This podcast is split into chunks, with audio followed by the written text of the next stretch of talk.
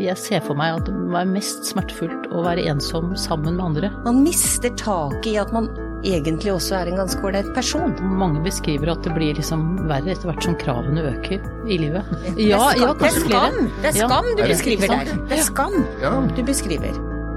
Fagbokboden er laget i samarbeid med Gyldendal. I denne utgaven av Fagbokpodden så har jeg fått besøk av eh, Teresa Wilberg, som er psykiater og arbeider som overlege ved Oslos universitets, eh, universitetssykehus. Og i tillegg så er hun professor ved Universitetet i Oslo. Sammen eh, med Ingeborg Ultveit Moe Eikenes, som er psykiater og leder av Nasjonal kompetansetjeneste for eh, personlighetspsykiatri, NAP, ved Oslo universitetssykehus. Var det riktig begge to? Det er lange titler på sånne fagfolk. Helt riktig. Boken heter 'Å ønske, men ikke våge', om engstelig unnvikende personlighetsproblemer. Og dere hevder at det er ikke skrevet på norsk før. Er det i sakens natur at de engstelige unnvikende blir ikke sett? Ja, det har vært sånn lenge, og det er ikke bare det at det ikke har vært skrevet noe på norsk, men eh, internasjonalt har det heller ikke vært skrevet noe særlig om dette. Så, så egentlig så burde kanskje boken vært skrevet på engelsk eller et sånt språk, men vi har hatt lyst til å nå et norsk publikum. For vi tenker at det er veldig mange som kan ja, både kjenne seg igjen og kanskje trenger å vite litt mer om hvordan vi ser på dette, forstår det Ja. Jeg tenkte på uh, Per Lillebjørn Nilsens eh, sang 'Stilleste gutt på sovesal 1'. Ja, ikke sant? Ja. ja. Det er så tittelen. Det er liksom de stille å oversette eh, ofte, dette. Ja, men tittelen er 'Å ønske, men ikke våge'. Eh, og dere, for, for dere går jo inn i det som er det problematiske ved dette. Altså, når har, altså alle, alle mennesker kjenner jo på eh, en eller annen form for la oss kalle det for sosial angst. En eller annen, at vi føler liksom at vi har lyst til å gå hjem også istedenfor å eh, hoppe inn i selskapet. Eh, men når er det et problem? Når har man det på en måte vanskelig? Er det, Fins det noen sånn grense for det? Det finnes jo ikke noen sånn objektiv terskel for det når det blir et problem, men vi, vi kan jo tenke oss at når man blir så forsiktig av seg eh, når det gjelder å nærme seg og få kontakt med andre mennesker, at man lar det være. Ja, riktig. Eller at man hemmer seg, eller ikke lar det helt være, men at man holder seg utenfor eller borte fra forhold og relasjoner som kanskje man ønsker seg og ville være naturlig, da. Men eh, dette slår vel ut i ganske mange, eller kan slå ut i ganske mange deler av livet? altså Enten du skal ha en jobb eller en kjæreste eller bare en venn? Det begynner ofte veldig tidlig. Ja. Eh, og mange beskriver at det blir liksom verre etter hvert som kravene øker eh, i livet. Ja. Eh, at de kan huske at de var beskjedne eller tilbaketrukket som barn, men, eller forsiktige, eller altså sånne ord bruker de ofte om seg selv, da, som små. Men, men at um, når kravene øker, så til sosial eh, omgang og, og hvis de da har vært forsiktige liksom, og litt tilbaketrukket i store deler av oppveksten, så, så mister de også mye sånn t naturlig trening, da. Så de har kanskje ikke så store sosiale ferdigheter heller. Eh, Så det er mange faktorer her som gjør at det blir vanskeligere etter hvert som de blir eldre. Men Da høres det ut som noe som må ses tidlig da, hos et barn. fordi at, som du sier nå, hvis du ikke utvikler ferdigheten, ikke trener den muskelen på en måte, Ja. så, så blir jo spiralen nedadgående. Mhm. Det kan være sånn. Men, men det er jo også sånn at veldig mange sjenerte barn vokser det av seg, da. Sånn at eh, de fleste sjenerte barn vokser det av seg. Ja, ja. Så vi skal jo være, det er litt sånne balanseganger, for det er klart vi skal se barn som kan være i en form for risikosone, da. Men, men de fleste vokser dette av seg. Det er veldig mange som har et sånt litt hemmet temperament, og som vokser av seg, og så er det en liten gruppe kanskje hvor det blir verre. Eh, Så, og så er det, det Vi er jo opptatt av at mange mennesker lever jo med dette uten at det blir store problemer, men hos noen så kan det bli ganske omfattende problemer, da. Du bruker ordet temperament, Teresa. Ja. Eh, temperament hos de fleste forbindes jo med noe som er utagerende, noe som er Ja. ja. At man blir hissig og sinna og Men det er det ikke. Nei, det er jo ikke det. Det er jo én form for temperament. Ja. Ja. Så vi kjenner bare, sånn For folkemunne så kjenner vi egentlig bare den ene typen temperament. Ja, Eh, Og temperament har jo Det er jo et sånt begrep, det er litt vanskelig å definere, eller mange har definert det på mange forskjellige måter, men det handler jo i utgangspunktet om at vi er ganske forskjellige fra naturens side når det gjelder eh, hvor intenst vi reagerer, hva slags tempo vi har, er vi langsomme, er vi raske, eh, har vi intense følelser, er vi mer stillfarende, den type ting. Så er vi utadgående, holder oss med liksom sånn innadgående. Eh, så, så den andre, andre det, er veldig mange ting som dekkes av temperament. Eh, Ingeborg, uh, disse, disse utfordringene, dere Mm. kaller det jo for engstelig unnvikende personlighetsproblemer, det er Mm. tittelen på boka. Eh, kan det hindre folk i å bygge relasjoner, rett og slett? Absolutt. Det kan det. Så folk kan være ensomme. Men, men jeg tror den største smertefulle Altså, jeg ser for meg at det var mest smertefullt å være ensom sammen med andre. Altså at du klarer å være sammen med andre, men eh, selv om du er sammen med andre, at du da også er ensom.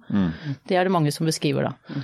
Eh, Men, men hvis det er alvorlig nok, så er det jo også sosialt isolert. Men det her finnes det jo alle grader. Så, men også de som klarer å være sammen med andre, men strever med dette, kan kjenne seg ensom sammen med andre. De klarer ikke å dele av seg selv på en måte, eller eh, utlevere seg, fordi de er eh, redd for å bli avvist hvis de skulle vise hvem de egentlig er. Det å komme i kontakt med det norske helsevesenet, det krever ofte litt ressurser.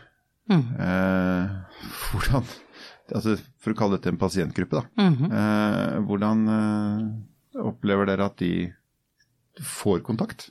Altså, det, det, det, høres ut som det ligger i sakens natur at dette her mennesker som kan lukke seg inne med sine utfordringer også, da, og ikke nødvendigvis liksom ringe legen. Ja.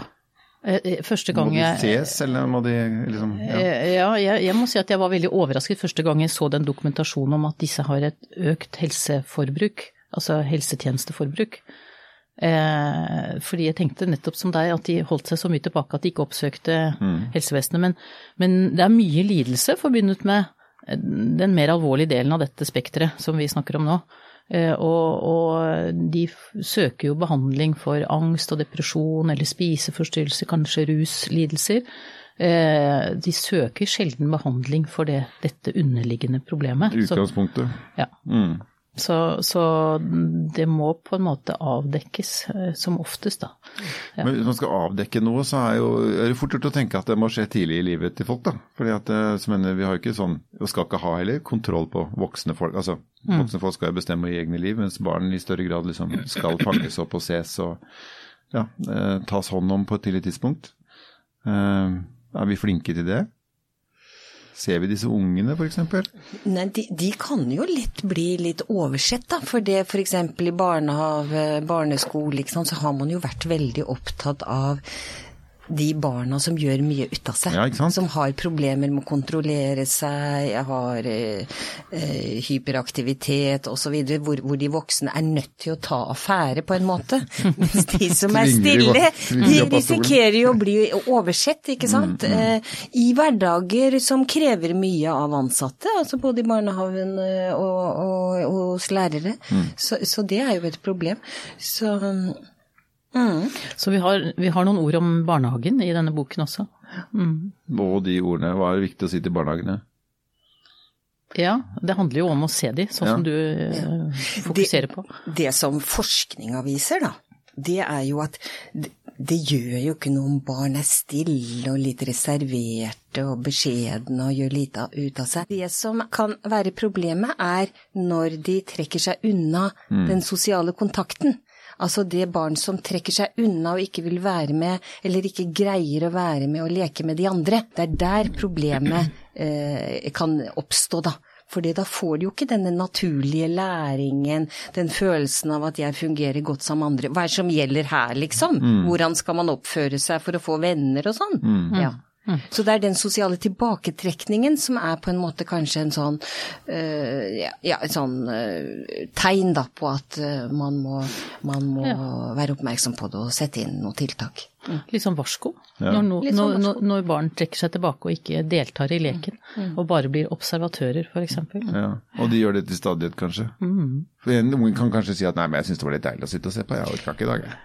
Det er noe annet. Det er litt annerledes. Men da vil det ikke gjerne være et sånt gjennomgående Nei. mønster, men mer eh, situasjonsbestemt. Da. Da er det en som uh, har full kontroll Mm. på, på egen eh, ensomhet, han har sagt. Men det kan jo også vise seg litt sånn som skolevegring, da. Noen det, det Skolevegring er jo et svært uh, fenomen, men blant de kan det jo også være en del i denne gruppen. Men da vi Vi er jo ikke født i går, noen av oss som sitter her. Men da vi var små, så var liksom barn noe som venta egentlig på å bli voksne. Eh, altså, eller, altså, det er jo litt stygt sagt, vi hadde Dr. Spock og vi hadde en del som, som var tidlig ute. Men, men, men uh, allikevel så har det skjedd noe i en senere tid hvor vi på en måte ser unger mere. Uh, hvorfor har det skjedd, tror dere? Hvorfor har vi begynt å bry oss om de som faktisk ikke har stemmerett? Faktisk vi ikke trenger å bry oss om hvis ikke de bråker, da, selvfølgelig. Eller gjør noe ut av seg. Altså, hva er det sånn samfunnsmessig, har dere noen tanker om det som gjør at vi på en måte har blitt mer opptatt av disse tingene? Er det overskuddet vårt generelt sett, eller hva? Det er et veldig Morsomt spørsmål. artig spørsmål, men vanskelig å, å svare på. Nei, eh, eh, her vil eh, folk sikkert mene veldig forskjellige ting, og det er kanskje bare meninger og spekulasjoner, vil jeg tro. Men, men man kunne jo, det slo meg nå at man kunne jo tenke at det er jo et veldig individfokus for tiden. Altså i sånne moderne vestlige samfunn som, som vi lever i, så er, skal jo liksom individet dyrkes fra vugge til opp i voksen alder for å eh, Og det er jo ikke sånn egentlig eh, nødvendigvis for at du skal liksom være et eh, gangs menneske og gjøre nytte for deg, men du liksom skal dyrke deg selv og selvrealisere deg, og man skal utvikle sine kognitive evner og sosiale ferdigheter. Altså det har kanskje noe med det er en annen måte å se på barn på. Ja, ja. Eh, som kan kanskje være litt krevende for barn òg, tenker jeg. At de skal liksom utvikle seg så veldig og utnytte sine ressurser og Ja, for alt det du nevner nå ligger også mye krav i, potensielt. Veldig! Veldig! At ikke barna kan få være litt i fred, liksom. Ja, og så er, det- er det noen som må vaske vinduer og kjøre taxi også. Alle kan ikke være direktør. Eh, Sånn som foreldrene Ja. vil. Ja, ja. Jo, så det handler jo også mye altså for, for eh, de eh, menneskene som vi snakker om, eller er opptatt av i denne boka, så handler det jo mye om å finne sine nisjer. Og det er kanskje vanskeligere i dag enn det var på 1800-tallet, hvor du ble født inn i roller og i, i sosiale nettverk. Nå skal du liksom Det er mer overlatt til deg selv mm. å finne din nisje og din identitet. Og det kan være krevende. Ja, valg er jo også krevende. Ja, det krever jo liksom at man tar regi i eget liv nå, i mye større grad enn det gjorde før. Man fikk ofte litt sånn hjelp på veien. Når var det dere begynte å interessere dere for eh, denne problematikken sjøl? Ja, det er langt tilbake. Eh, Jeg fikk liksom denne problematikken litt i fanget eh, på 90-tallet, da jeg startet på Modum Bad. Så pågikk det en etterundersøkelse av pasientene som var behandlet der. Og da de resultatene kom inn, så viste det seg at eh, pasienter med unnvikende personlighetsforstyrrelse, de hadde dårligere utbytte enn de andre, og de hadde oftere tilbakefall etter behandling. Det var sånn ett års etterundersøkelse, dette her. Eh, og da var liksom store spørsmålet hva skal vi gjøre med de? Hvordan skal vi få hjulpet de? Eh, kan vi tilrettelegge noe eh, sånn at de får bedre utbytte av behandling? Så da begynte det spørsmålet å dukke opp, og, og jeg syntes dette var veldig spennende og, og interesserte meg for det. Og følte når jeg, jeg hadde et sånt pilotprosjekt den gangen, og det, da følte jeg at dette var utrolig sært og en sånn bitte liten nisje av faget vårt. Eh, Men i dag føler jeg ikke det lenger. Jeg tenker at er, vi har fått så mye mer kunnskap om hvor vanlig dette er. eh, Hvor utbredt det er eh, i pasientpopulasjoner. Og også at det faktisk er mye mer alvorlig enn vi først trodde. Da. For disse ble jo kalt for veldig mild lidelse på 80- og 90-tallet, mens det viser seg at mange av dem kan, kan ha alvorlige problemer, rett og slett. Mye lidelse og stort funksjonstap. Men er det lettere å kalle noe for en mild lidelse når det på en måte ikke går utover noen andre? Ikke sant? For det gjør jo ikke det. Nei, og det er kanskje mildt for terapeuten. Det er ikke liksom så vanskelig de lager ikke noe bråk, de lager ikke de, de, Det er ikke noe fare på at de slår ned noen, liksom. Niks. Og de lager ikke konflikter heller, eller diskusjoner. De bare trekker seg. Mm. Så, så men, men eh, når jeg sier at det kan være lett for terapeuten, så er det ikke sånn, egentlig. De, de fleste terapeuter syns dette kan være ganske utfordrende. Mm. Fordi det er så stille og lite uttalt, lite det, Bare det å finne ut hva, hva skal være målet for terapien, kan være kjempevanskelig.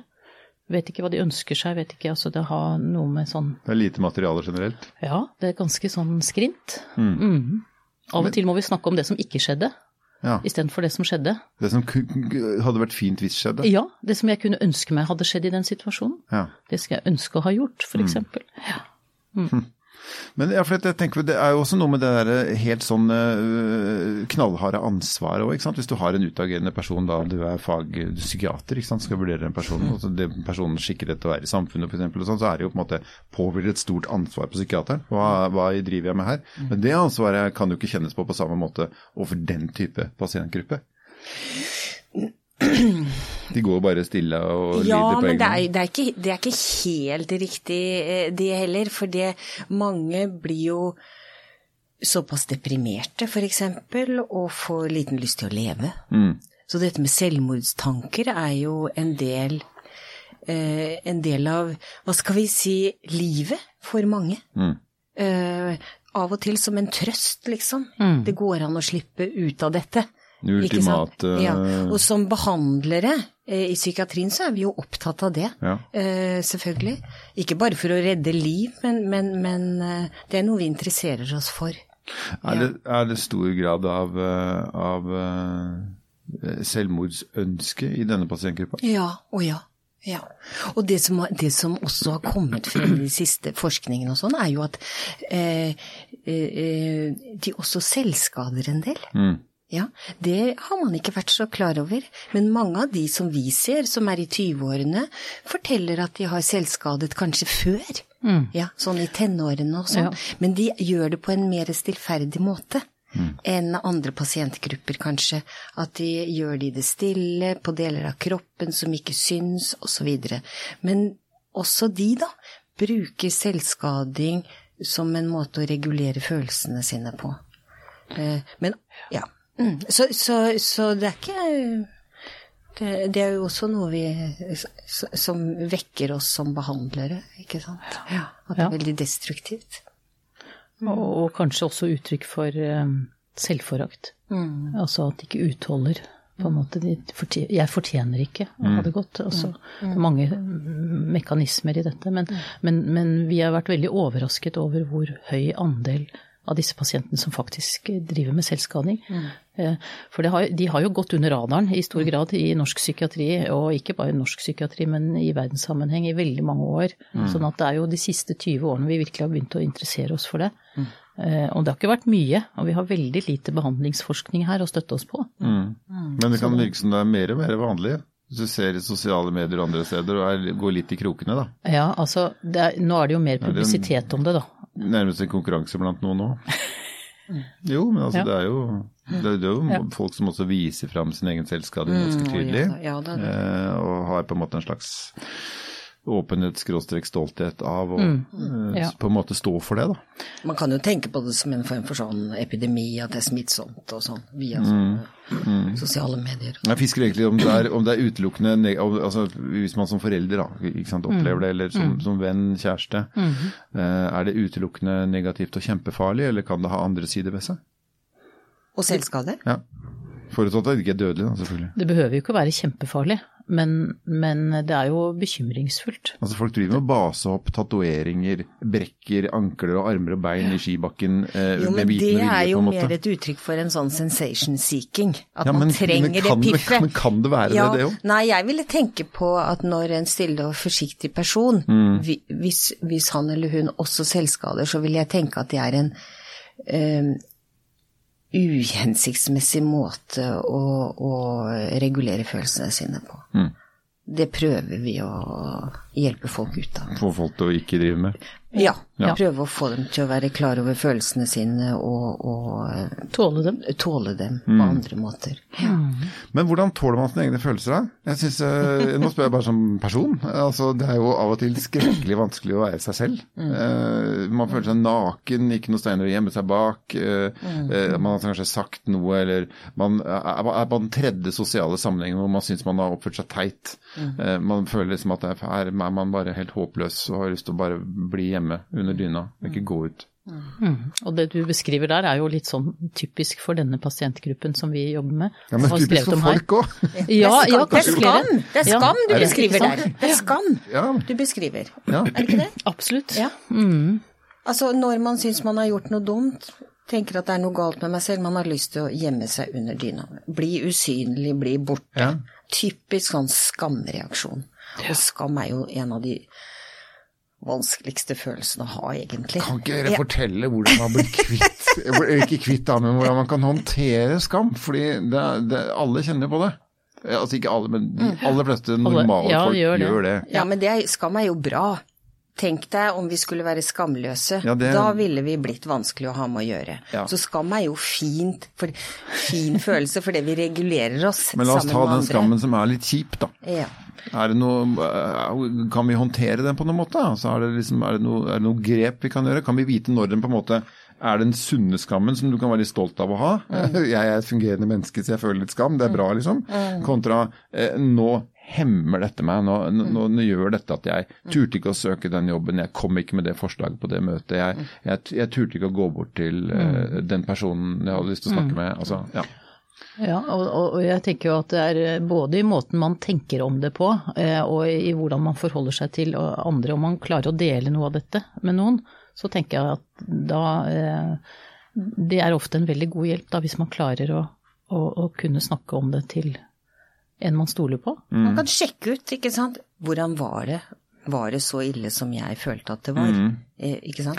Men det er jo forskjell på å eh, bli flau og skamfull over noe man har gjort sammen med andre, eh, og søren og så, sånn og sånn. At det er på en måte litt avgrenset. Og det når skammen på en måte rammer hele deg. Jeg er Du skammer deg over deg selv, liksom? ja, Ja. altså at den blir total. Og det er vel noe av det som er problemet med de eh, personene som vi snakker om i boka vår, at skammen blir total. Det rammer hele meg. Det var ikke bare noe jeg gjorde eller noe dumt jeg sa overfor henne eller han da. Eh, eh, og da må man jo det er jo Noe av det vi prøver på, er jo å få eh, folk til å få kontakt med liksom de eh, gode sidene av seg selv, da. Som ikke er så skamfulle, eller For det er jo det som går tapt ofte. Man mister taket i at man egentlig også er en ganske ålreit person. Stort sett. Gode egenskaper og Ja. interesse og glede og nytelse er jo helt sånn fremmedord for mange av disse. Som bare okkuperes av den skammen. Ja, Ja. Da forsvinner alle de positive Og. Avslutningsvis, dere refererer til at, dere har, eh, at mye av boken baserer seg på hva dere faktisk har lært selv av pasienter. Eh, Absolutt. hva skjer med psykiatere som holder på lenge nok? Eh, hvordan endrer de seg med sine pasienter? Å ja, det vil jeg si. Det er jo det som er så fint med dette yrket her, at man blir jo Hva skal vi si man, Erfaring er så viktig. Altså erfaring er så godt. Og man får mer erfaring jo flere pasienter man har sett. Mm. så dette er et yrke hvor det er på en måte ålreit å bli eldre. Så deilig. Ja, for det handler om livserfaring, og vi lærer hele tiden av pasientene våre. Virkelig. Ja. Bare skrive under på det. Du har hørt Fagbokpodden, som er laget i samarbeid med Gyldendal.